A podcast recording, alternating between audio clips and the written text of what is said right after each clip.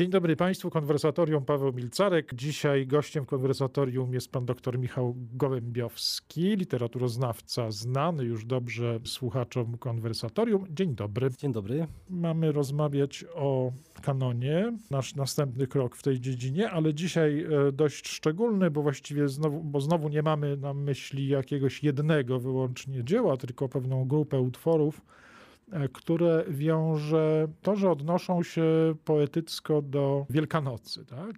Twórczość wielkanocna.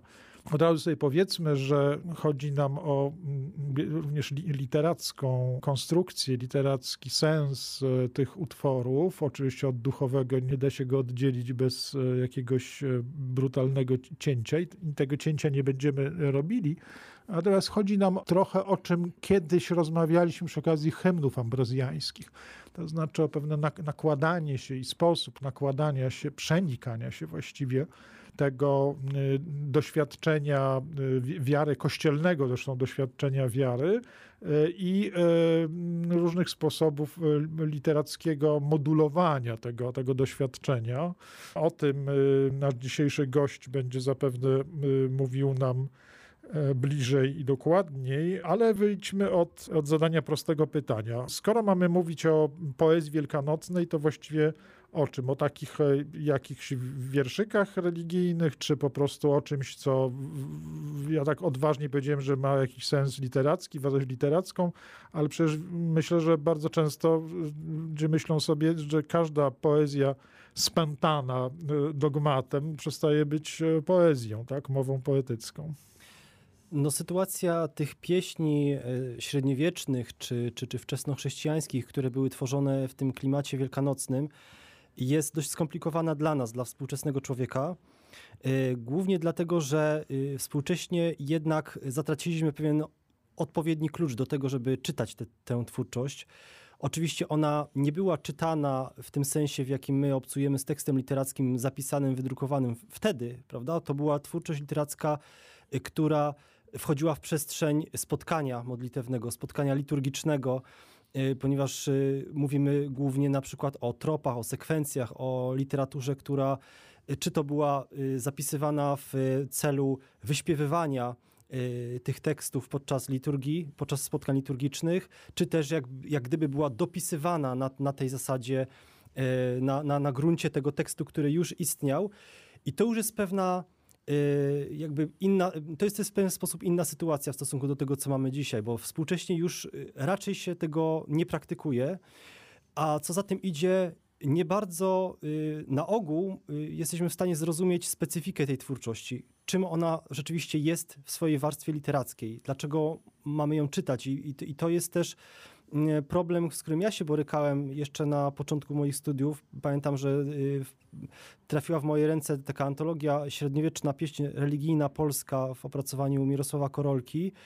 I rzeczywiście mm, obcując z tymi tekstami, z jednej strony miałem pewną taką ciekawość, y, która mnie prowadziła do tego, żeby się z nimi zaznajomić, ale z drugiej strony y, one wydały mi się absolutnie banalne w swojej treści. To znaczy, po pierwsze, była, była to twórczość spętana dogmatem, ale to nie było takim zasadniczym problemem, tylko y, to jeszcze y, można by było jak gdyby dostosować do takiej naszej y, nowoczesnej wrażliwości w jakiś sposób, być może niełatwy, ale głównym problemem było to, że w zasadzie zakres tego, tych te, tematyczny i, i, jakby obrazów i, i, i, form literackich, które, z których korzystano, był zawsze ten sam i on był dość prosty, to znaczy stwierdzał, stwierdzał pewne fakty dogmatyczne, fakty religijne, byśmy powiedzieli.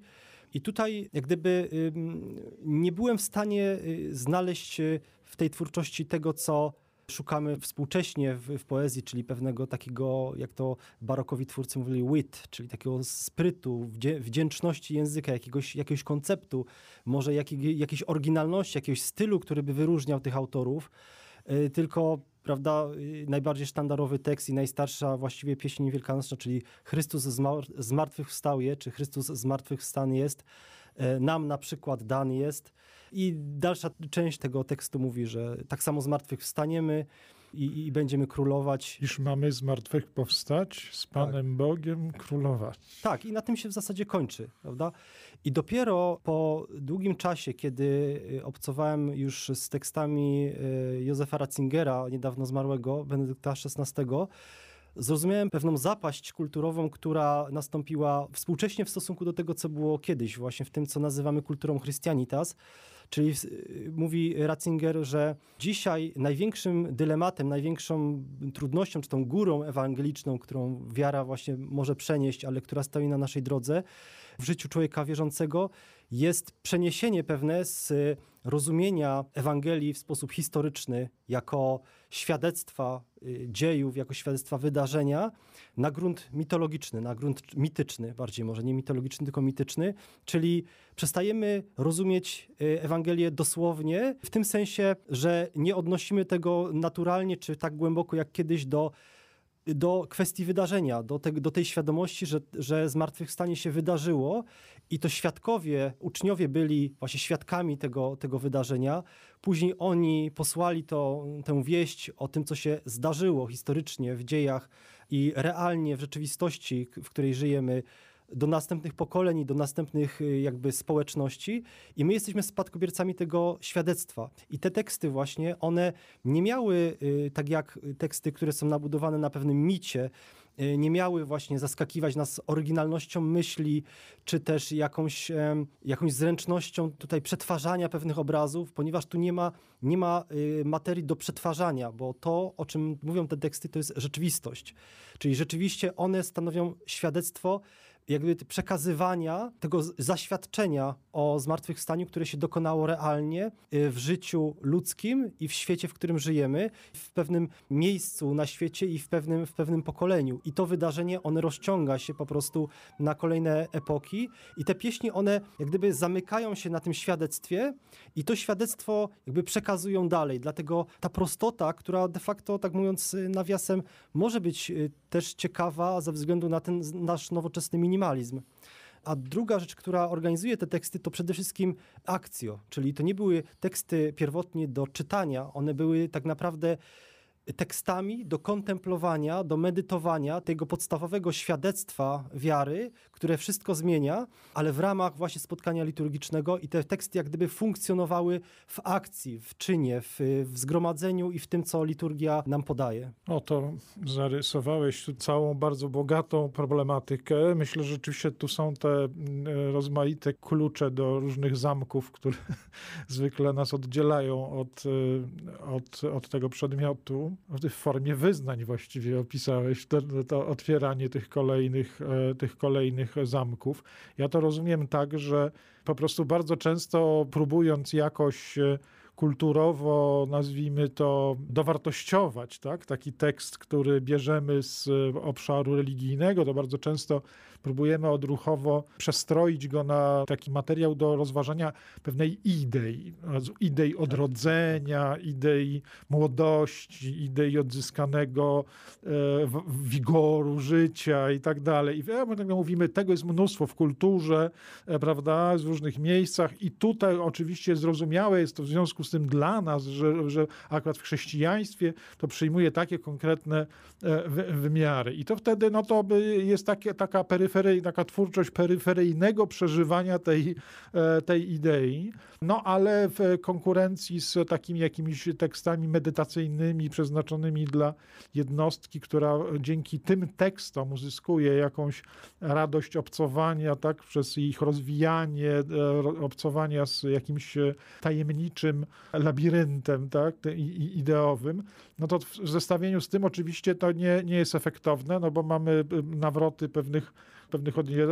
Natomiast rzeczywiście, jeśli zdamy sobie sprawę, że to jest, są teksty, które, które są właściwie językiem wspólnoty celebrującej, y, że właściwie w nich chodzi nie o to, żeby jakąś ideę rozwinąć, tylko żeby opiewać rzecz, i radość, która jest w środku.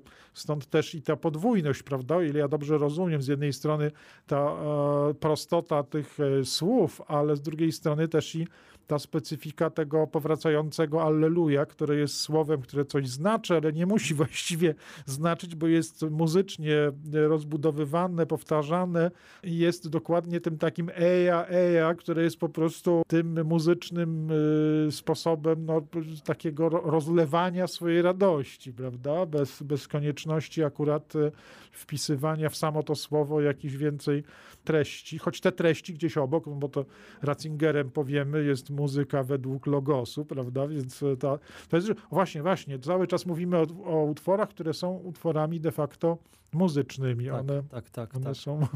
Bo tutaj też y, padł y, bardzo ważny wniosek, y, to znaczy to, że nie, nie, nie opieramy się tu na idei, prawda? Że to nie jest idea zmartwychwstania, tylko to jest wydarzenie zmartwychwstania.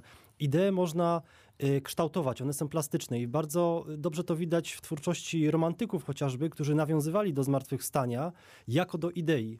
Już wtedy ja nie mówię, że wtedy ludzie y, zatracili wiarę w, w realność zmartwychwstania, ale już dokonywało się pewne przebiegunowanie w stronę idei. I to pokazuje, że właśnie zmartwychwstanie już pojawiało się w takich kontekstach, co do których można było zadać pytanie, czy to jest oryginalne czy to jest twórcze, czy to otwiera jakieś nowe horyzonty. Na przykład Polska, która zmartwychwstaje, prawda? Albo zmartwychwstanie w sensie jakiegoś takiego otwarcia oczu na, na jakąś miłość kosmiczną na przykład, prawda? Ale i tu y, oddalamy się od tego y, pierwotnego świadectwa, które zawarte jest w pieśni średniowiecznej i wczesnochrześcijańskiej. Tam w zasadzie y, ta taka, byśmy powiedzieli, taki prymitywizm wręcz, y, bo, czy, czy ubóstwo treści y, zogniskowane tylko wokół tego faktu, że Chrystus zmartwychwstał i króluje, prawda? To jest y, właśnie jakby tak, takie jądro, który, w którym z którego emanuje ta radość właśnie i ta wiara, ale to jądro jest jak gdyby, on, ono jest jakby, byśmy powiedzieli tak po ludzku, bardzo małe, prawda? Bo, bo tu chodzi tylko o to, że że ludzie byli świadkami tego, że to się wydarzyło, ale z drugiej strony też y, zastanawiam się i zastanawiałem się już y, długi czas nad tym, czy, czy nie powracamy tutaj też poniekąd do takiego ogniska y, poezji w swoim takim źródłowym znaczeniu. To znaczy właśnie mamy zmartwychwstanie Chrystusa, które wyznacza rok zerowy, prawda, czy pierwszy. Po prostu, że zaczynamy historię ludzkości od nowa, jesteśmy nowym stworzeniem, i teraz jak gdyby ta poezja również z tych rudymentów, z tego pierwotnego źródła na nowo staje się tym takim dziecięcym właśnie gaworzeniem na temat tej rzeczywistości, którą, którą mamy i to jest właśnie zapis tej, te, te, tego, tego stanu. W ten sposób e, weszliśmy w problem e, nawet i w ogóle szerszy poezji religijnej, która czerpie bardziej właśnie z e, dogmatów prawdy o wydarzeniu, a nie o laboratorium przetwarzania mitu, ale tego konkretu poezji wielkanocnej, o której zaczęliśmy mówić, dotkniemy już za moment e, w drugiej części naszej rozmowy. Wracamy do rozmowy o poezji wielkanocnej. Dzisiaj gościem konwersatorium jest pan dr Michał Gołębiowski. Przed przerwą rozmawialiśmy o specyfice, tak, tak w ogóle poezji chrześcijańskiej, takiej, która sobie powiedzmy mocno tej źródłowej poezji chrześcijańskiej, czyli tej, która chciała być, była głosem modlącej się e, wspólnoty, głosem służby Bożej, liturgii.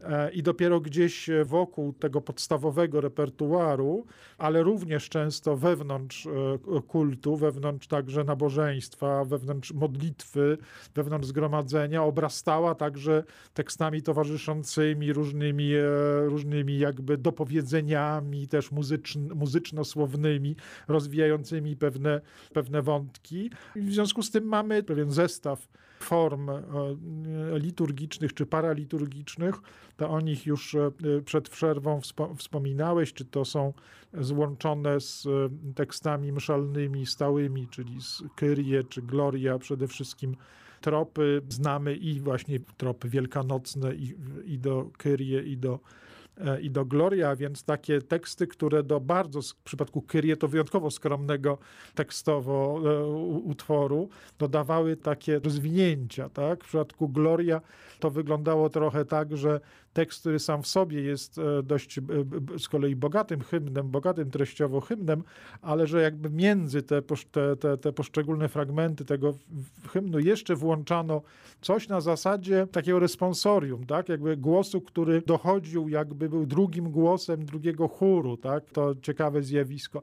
Nigdy na 100% te rozwinięcia nie weszły do liturgii, zawsze pozostały w samej liturgii tylko te y, znane nam gregoriańskie Kyrie, Gloria i tak dalej.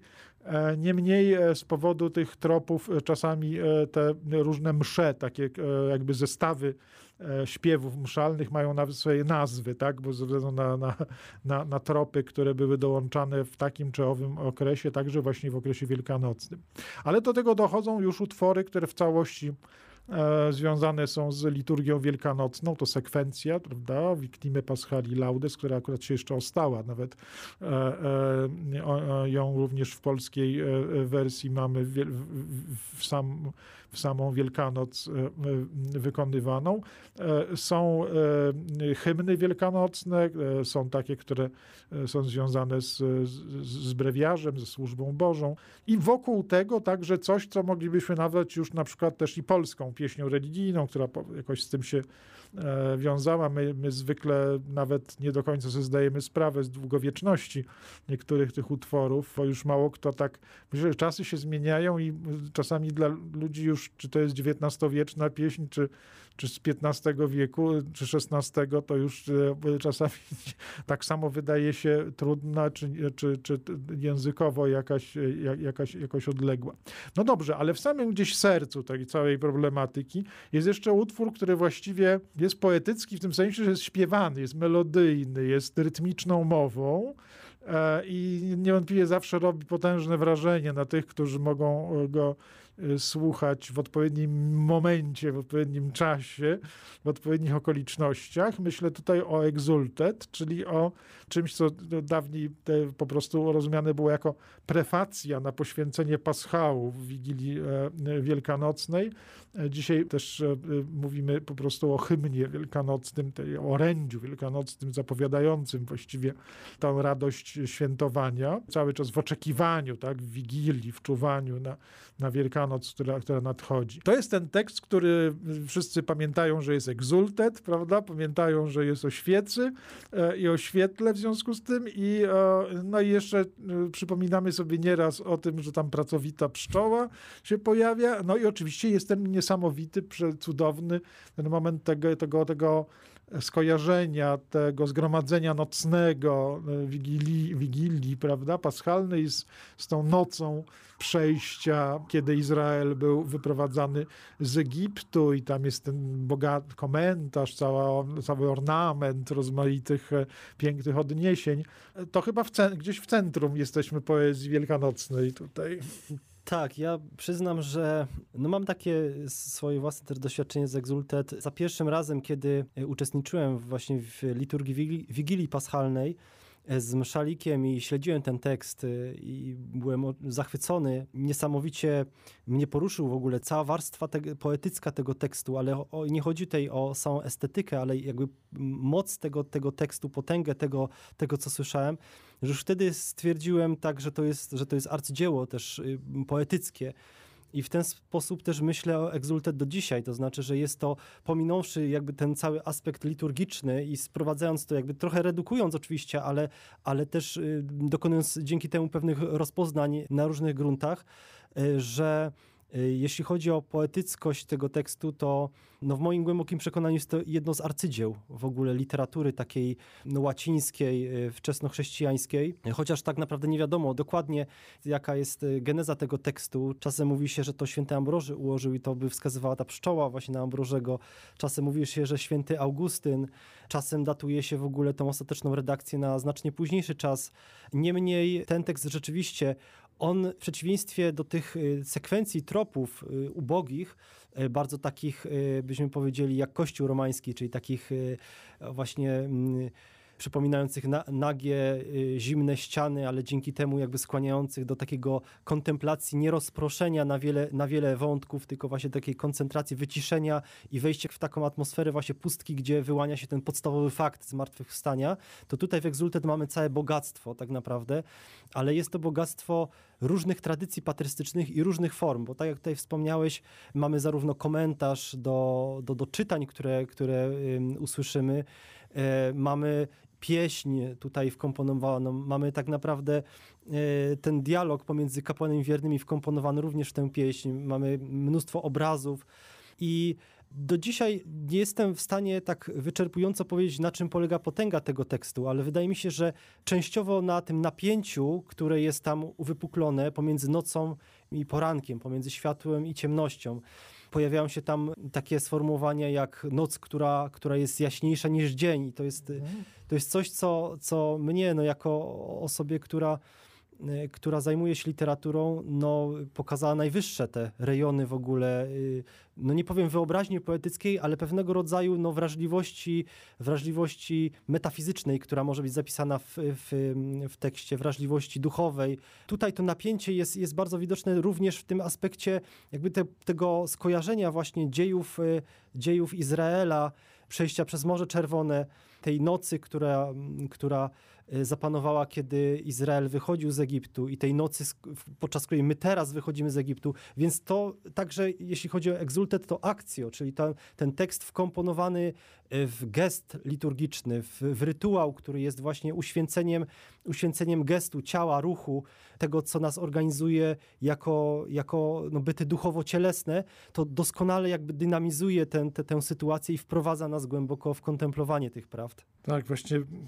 gdy o tym opowiadałeś, zajrzałem do, do tego pięknego tekstu. E, on ma swoją niepowtarzalną melodykę, która, która jest wpisana, w, się można powiedzieć, wpisana jest w sam tekst. E, tak, tak ten tekst czytamy, więc oczywiście nie sposób tutaj zacy tak zacytować, jak to powinno być zacytowane, bo to po prostu diakon śpiewa w, w odpowiednim momencie ale, ale piękne to są e, ze słynnymi również potem odniesieniami, prawda? E, zacytujmy, tej właśnie nocy Chrystus skruszywszy więzy śmierci, jako zwycięzca wyszedł z otchłani. Bezużyteczny byłby dla nas dar życia, gdyby nie stało łaski odkupienia. O jak przedziwna łaskawość Twojej dobroci dla nas, o jak niepojęty wybór miłości, aby wykupić niewolnika, wydałeś Syna. O zaiste konieczny był grzech Adama, który został zgładzony śmiercią Chrystusa. O szczęśliwa wino, któraś zasłużyła mieć takiego i tak potężnego odkupiciela. Tak, i, i zauważmy, że nie jest to wzniosłość y, w takim wymiarze czystej idei, prawda? Tak jak wzniosłość rozumieli na przykład romantycy, czy XIX wiek ogólnie, że nie jest to jak gdyby koturnowość tego tekstu. To jest, też zdumiewa mnie realność tego, i to też prawdopodobnie wynika właśnie z pisania z perspektywy świadka, z perspektywy świadectwa, że jest to owszem wzniosłe, ale w ten taki sakralny sposób, prawda, że, że, że to sakrum jest tutaj, jest tutaj wyczuwalne, bo na przykład e, czytamy również y, o zaiste błogosławiona noc, jedyna, która była godna poznać czas i godzinę zmartwychwstania Chrystusa. O tej to nocy napisano, a noc jako dzień zajaśnieje oraz noc będzie mi światłem i radością. I dalej tutaj czytamy. Oczywiście w międzyczasie mamy jeszcze tutaj kontemplację świecy, bo, bo, bo tutaj diakon również śpiewa. Znamy już wymowę tej woskowej kolumny, którą na chwałę Boga zapalił jasny płomień, czyli wskazuje y, na, na, na właśnie świecę, na paschał. E, a następnie, mamy inwokację o zaiste błogosławiona noc, w której się łączy niebo z ziemią, sprawy boskie ze sprawami ludzkimi. Jest w tym coś tak głęboko ludzkiego, ale nie w taki sposób właśnie, byśmy powiedzieli, wykoncypowanego na gruncie jakiejś takiej myśli humanistycznej, tylko coś tak y, głęboko ludzkiego i jednocześnie jakby zanurzonego w tym napięciu pomiędzy właśnie ciemnością, którą rozumiemy y, tak szeroko jako, jako dzieje ludzkości, które, których cezurą było zmartwychwstanie Chrystusa, jak i nasze uczestniczenie w tej dynamice, prawda? I, i nasze ciemności wewnętrzne i te ciemności zewnętrzne, ciemności, które, które są właśnie rozjaśnione przez to misterium. I to jest głęboko misteryjny tekst i przez to, przez to on jest, y, wydaje mi się, takim, taką poezją par excellence, prawda? która odsłania istotę i kwintesencję poezji religijnej. No tak jak powiedziałeś, sens misteryjny to oczywiście e, dla wielu z nas dzisiaj gdzieś odsyła w e, rejony mm, e, jakiegoś skrycia, tak? Przede wszystkim, ale gdy używamy tego we właściwym sensie związanym z tym tekstem, no to myślimy właśnie o misteryjności. Cały czas to tutaj podkreślamy, bo to ważne, o misteryjności liturgicznej. Właściwie tego tekstu nie sposób pomyśleć bez dziejącej się liturgii. Ta kontemplacja świecy no nie jest po prostu spojrzeniem artysty, który przygląda się e, świecy, która się zapaliła, którą zapalił na stole, tak? I, która, i której e, jakby naturę światła rozważa, tylko jest to ta świeca, na którą diakon wskazuje wszystkim, przypomina, prawda? odwołuje się do tego, co ona, ta świeca jest trochę w ogóle z tym całym kontekstem Księgi Wyjścia, jest trochę jakby tą kolumną prowadzącą e, Izrael. Mam tych, tych różnych odniesień tutaj jest bardzo dużo, ale wraz z tym, o czym wspomniałeś, czyli tym wewnątrz tego tekstu, jeszcze tym dialogiem, tak, to jest niezbędnym elementem, nie jest taką tylko przerwą, którą można wy, wy, wy, wykreślić i iść dalej w tekście, tylko, tylko jakby należy do natury tego, tego tekstu, że po tym pierwszym wezwaniu, takim egzordium na samego początku, gdy już diakon domówi się z, ze zgromadzoną wspólnotą, że może chwalić ra, razem, tak, że razem wznoszą serca, to wtedy dopiero mamy tę pieśń w jej całym bogactwie, rzeczywiście tak jakby ktoś napełniony tymi wszystkimi słowami e, pisma, nagle poruszony doświadczeniem tego, tej, tej jasności, tak? Jakby z niego to wszystko wydobywa się jak, jak pieśń. Rzeczywiście nie tyle wykoncypowana, ile, ile z tymi wszystkimi niesamowitymi patrystyczno-monastycznymi takimi, jakby no właśnie nie technikami, tylko jaką naturą reminiscencji, że rzeczy, które gdzieś w obfitości serca się znajdują, e, one w określonej sytuacji są poruszane tak, i, i wydobywają się w, w całym łańcuchu nie byle jakich skojarzeń. Tak? To jest tekst ucieleśniony, tak, tak myślę, bo chociażby wskazuje na to ten dialog i jak również tutaj wskazanie na, na, na Paschał, że to jest tekst, który nie zatrzymuje się jedynie na, na, na tej koncepcji, ale on jest wcielany, wcielony w ramach liturgii, prawda, że jak tak słowo Boże jest, jest wcielone właśnie w postaci y, Jezusa Chrystusa, tak ten tekst jest, jest ucieleśniony w ramach tej liturgii i on też ucieleśnia te tradycje, które narosły w, w dobie ojców Kościoła i które tutaj się jak gdyby ogniskują, czy zlewają w jedno takie, w jedno takie morze, pokazując w ten sposób, że to, co wyrastało tak organicznie z przeżywania wiary i z, i z, tych, z tych właśnie świętych obrzędów i z misterium, które, które było sprawowane, to tutaj właśnie jak gdyby staje się, czy dokonuje się pewna synteza tego, tego obrazu i ona jest właśnie wcielana w ten sposób, że, że nawet myślę, że ten tekst głęboko przeżyty przez, przez odbiorcę, on może tak naprawdę pokazać yy, współcześnie, na czym polega istota y, liturgii, na czym polega istota właśnie zgromadzenia liturgicznego. Dlaczego nie duchowość taka, prawda, indywidualna we wspólnocie, wspólno, wspólnotowa modlitwa? Dlaczego liturgia? Skąd te, skąd te niezrozumiałe tak y, dla współczesnego człowieka bardzo często gesty, bardzo często nudne również dla samych wiernych?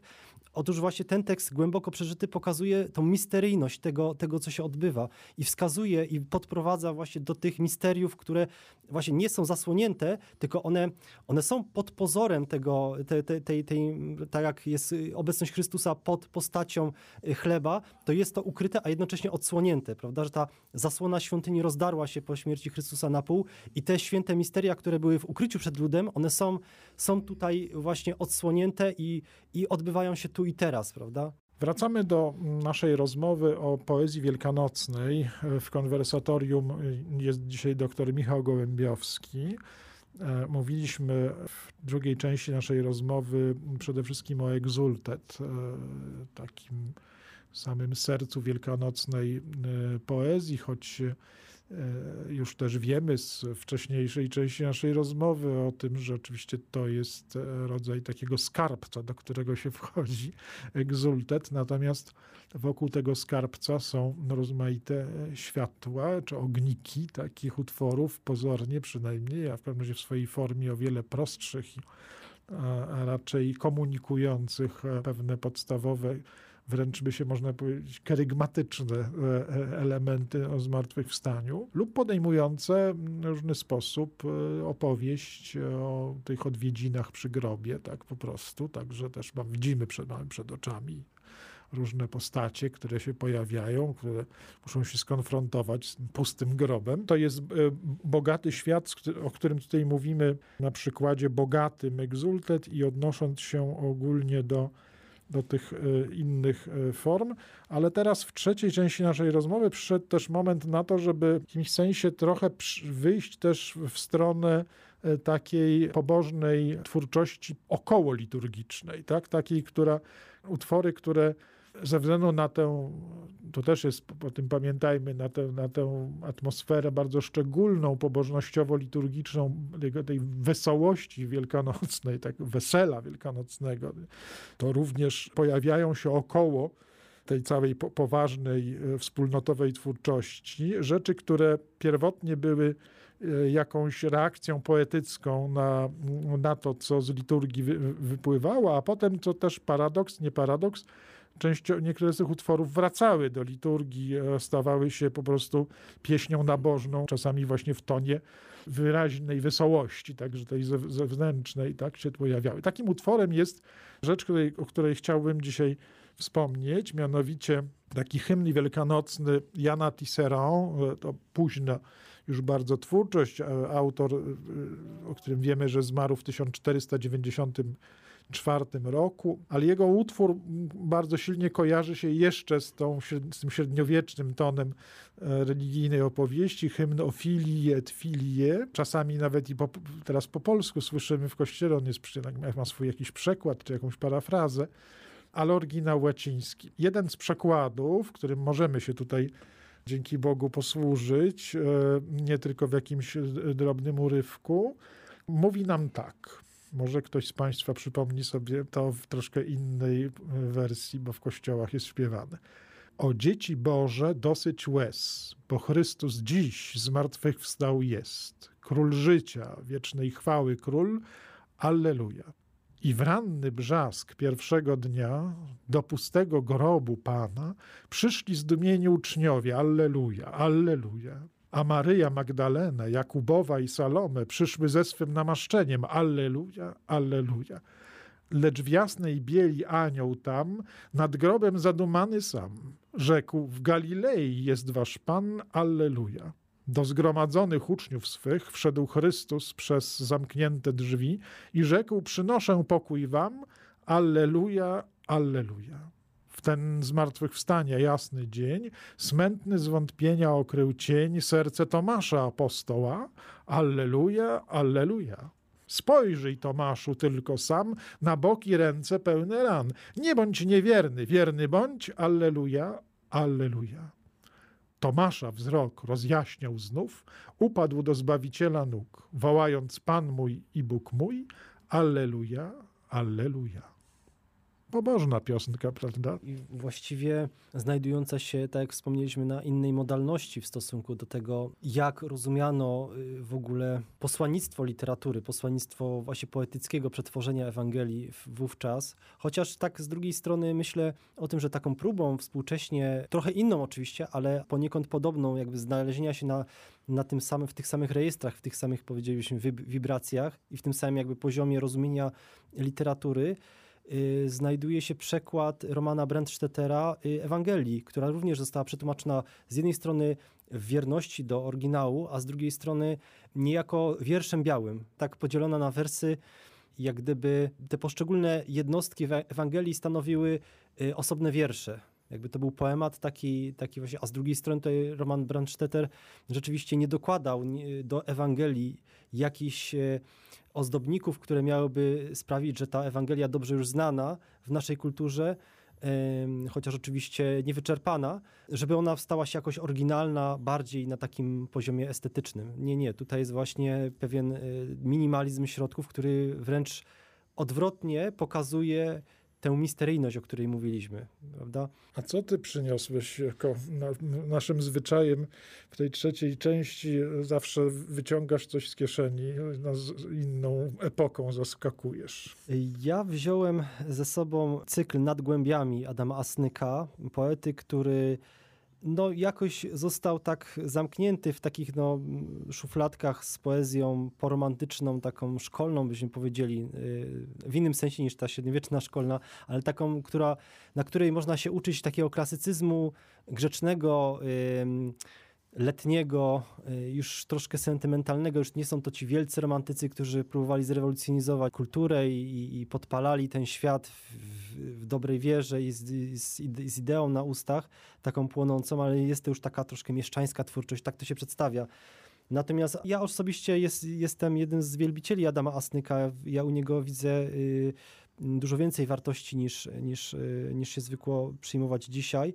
Natomiast jego cykl nad głębiami to jest taki cykl, który e, składa się z sonetów filozoficznych, gdzie tak naprawdę Asnyk y, dokonuje pewnej syntezy myśli współczesnej jemu, czyli XIX wieku, czyli sięga tutaj do Kanta, do Hegla, e, również do Schellinga, Fichtego, różnych y, myślicieli, głównie z kręgu idealizmu, żeby pokazać załamanie się tego, tej pewności człowieka, który dotychczas rozpoznawał świat, rozpoznawał rzeczywistość i oto staje, staje wobec takiego strachu, lęku o to, że nie wie, czy nie jest zawieszony w pustce, skoro wszystko, co on może pomyśleć, tak naprawdę zamyka się w nim samym.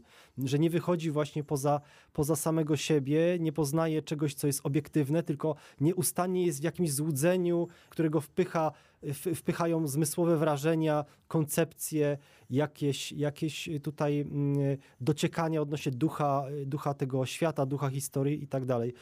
I cały ten cykl jest takim, taką zapowiedzią dekadentyzmu już młodopolskiego, ale z perspektywy no, poety, który z jednej strony no, jakoś tam Y, doświadczył pogrzebania idei romantycznych, a z drugiej strony no nie, nie, do końca mógł się pogodzić z tym pozytywistycznym naturalizmem, bo on, on nigdy nie był, nie był pogodzony właśnie z tym, że jego epoka jest epoką e, niepoetycką, y, co rozumiemy przez scjentyzm głównie, czyli takie redukowanie całego ludzkiego doświadczenia tylko do metody naukowej, weryfikowalnej, e, głównie do nauk biologicznych i tak dalej. No i w tym cyklu właśnie kontempluje ten stan y, człowieka współczesnego, próbuje znaleźć drogi wyjścia, jest między innymi taki e, sonet 30 w tym już e, tak pod koniec tego, tego całego cyklu, który daje jakąś nadzieję. I przeczytam może teraz ten, ten sonet. Taką jak byłaś, nie wstaniesz z mogiły, nie wrócisz na świat w dawnej swojej krasie, musisz porzucić kształt przeszłości zgniły, na którym teraz robactwo się pasie. Musisz zatracić niejeden rys miły i wdzięk w dawniejszym uwielbianej czasie – lecz nową postać wziąć i nowe siły i nowych wieków oręż mieć w zapasie. Grób cię nie odda światu widmem bladem, z mogilnej pleśni i zgnilizny plamą, do wnętrza śmierci przesiąkniętą jadem, lecz przystrojona w królewski dyadem, musisz do życia wkroczyć życia bramą, musisz być inną, choć będziesz tą samą. I w oczywisty sposób ten sonet odnosi się do zmartwychwstania, którego, jak mówi święty Paweł, pierwocinami jest zmartwychwstanie Jezusa Chrystusa i to daje nam nadzieję na to, że, że my również zmartwychwstaniemy. Jak mówi święty Paweł, gdyby Chrystus nie zmartwychwstał, i tutaj yy, powrócimy do początku naszej, naszej, naszej rozmowy, gdyby nie zmartwychwstał realnie, nie jako idea, nie jako koncepcja, nie jako pewnego rodzaju mit, który nas jakoś pociesza tak wewnętrznie, czy pokazuje nam jakiś cykl może przyrody, może jakiś cykl nasz psychologiczny, tylko realnie zmartwychwstał biorąc na siebie całą naszą naturę, całą naszą, cały bagaż egzystencjalny, który my nosimy, umierając i zmartwychwstając w konkretnym momencie historii, chociaż, chociaż oczywiście wychodząc już, już poza, poza ramy tej historii, czy będąc na progu już tego ósmego dnia właśnie, czyli już poza tym cyklem stworzenia, poza tym siódmym dniem, ale realnie tu i teraz, gdyby tego zmartwychwstania nie było, no to mówi święty Paweł, próżna byłaby nasza wiara. To jedzmy i pijmy, bo, bo jutro pomrzemy. I tutaj jest zapis takiego, takie, takiej poetyckiej kontemplacji właśnie tej nadziei na to, że my również będziemy odmienieni tak jak Chrystus był odmieniony. Chociaż są interpretatorzy, którzy mówią, że tutaj chodzi o y, odmianę pokoleniową bardziej niż, niż tego konkretnego człowieka. No, w księdze Hioba czytamy, że tą nadzieję Hioba, już taką bardzo pierwotną, bo to jest najstarsza znana nam księga y, biblijna, y, gdzie Hiob mówi pod koniec tak naprawdę, kiedy jego udręka już, już dobiega końca, że nad grobem jego stanie właśnie y, ten odkupiciel i, i mówi Hiob, nie kto inny, ale ja własnymi oczyma y, zobaczę swoje zbawienie, zobaczę swoje powstanie z martwych.